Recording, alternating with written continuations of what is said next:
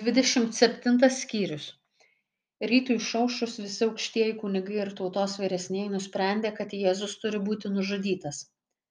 Surišę nuvedė ir atidavė jį valdytojui poncijui pilotui. Pamatęs jog jėzus pasmerktas išdavikas judas gailėjosi ir nunešė atgal aukštiesiems kunigams ir vyresniesiems trisdešimt sidabrinių sakydamas nusidėjau išduodamas nekaltą kraują Tie atsakė, kas mums darbo, tu žinokis.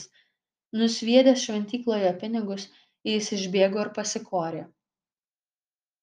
Aukštieji kunigai paėmė sidabrinius ir kalbėjo, jų negalima dėti į šventyklos išdą, nes tai užmokestis už kraują.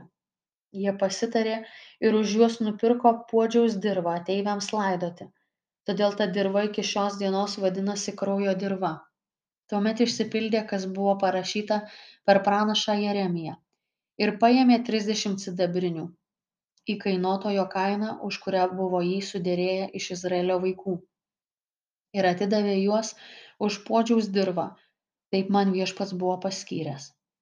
O Jėzus stovėjo valdytojo akivaizdoje. Valdytojas įklausė, ar tu esi žydų karalius? Jėzus atsakė, taip yra, kaip sakai aukštųjų kunigų ir vyresniųjų kaltinamas jis nieko neatsakė tada pilotas klausė ar negirdi kiek daug jie prieš tave liudija bet jis neatsakė jam nė žodžio ir tuo labai nustebino valdytoją.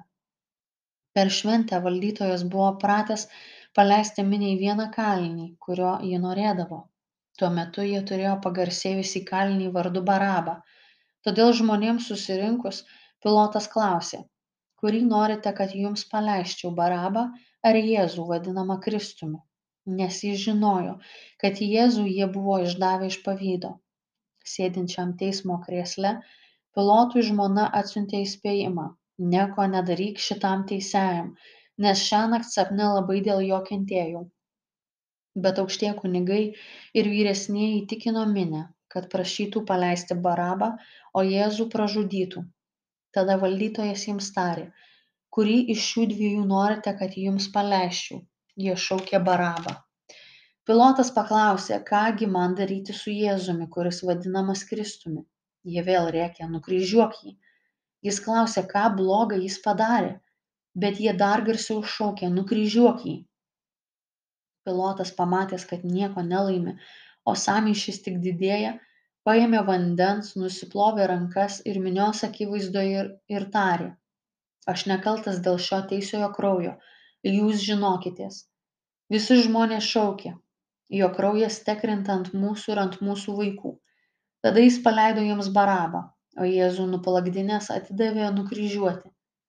Valdytojo kareiviai nusivedė jėzų į pretorijų ir surinko aplink jį visą kuopą.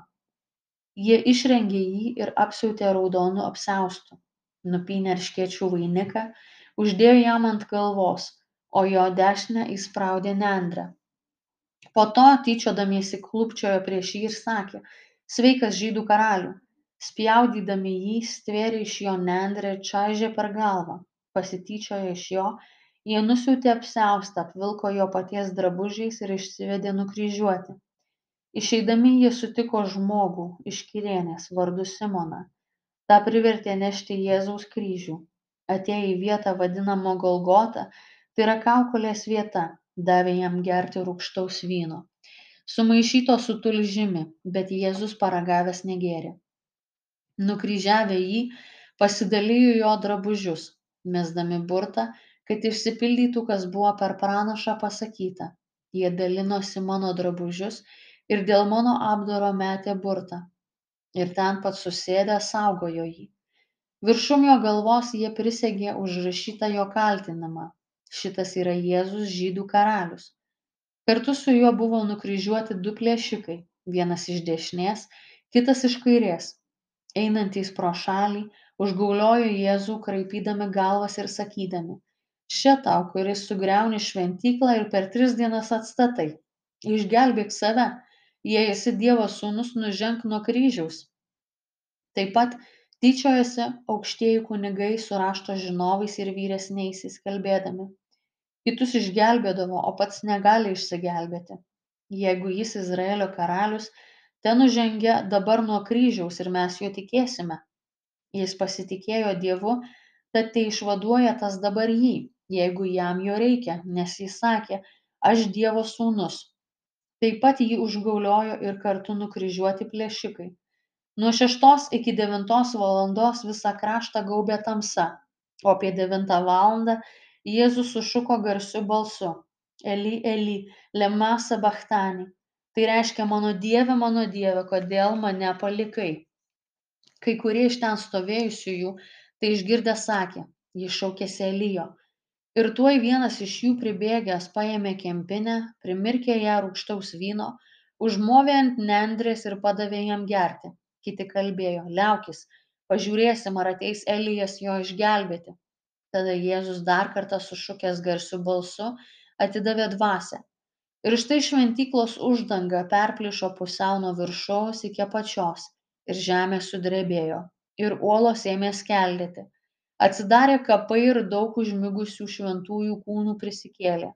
Išėję iš kapų po jo prisikėlimo, jie atėjo į šventąjį miestą ir daugam pasirodė. Šimtininkas ir kiti su juo saugojantys Jėzų pamatę žemės drebėjimą ir visa, kas dėjosi, labai išsigando ir sakė, tikrai šitas buvo Dievo sūnus. Tenai buvo daug moterų, kurios žiūrėjo iš tolo. Jos sekė paskui Jėzų nuo Galilėjos, jam tarnaudamos. Tarp jų buvo Marija Magdalietė, Jokūbo ir Joz, Jozės motina Marija ir Zebetiejų sūnų motina vakarui atėjus atvyko vienas turtingas žmogus iš arimatėjos vardu juozapas kuris irgi buvo tapęs jėzaus mokiniu. Jis nuėjo pas pilotą ir paprašė jėzaus kūno. Pilotas įsakė kūną atiduoti. Juozapas paėmė kūną įvyniojo į švarią drobulę ir paguldė savo naujame kape kurį buvo išsikaldinęs uoloje.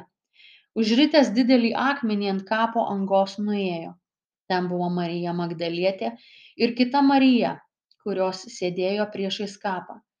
Kitą dieną po prisirengimo dienos susirinko pas pilotą aukštieji kunigai bei fariziejai ir kalbėjo valdove mes prisimename jog tas suvedžiotojas dar gyvas būdamas sakė po trijų dienų prisikelsiu.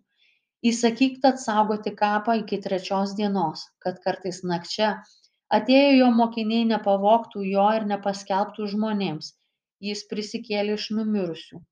Pastaroji apgavystė būtų blogesnė už pirmąją. Pilotas jiems atsakė, štai jums sargyba, eikite ir saugokite, kaip išmanote. Jie nuėjo, pastatė prie kapo sargybą ir paženklino antspaudo akmenį.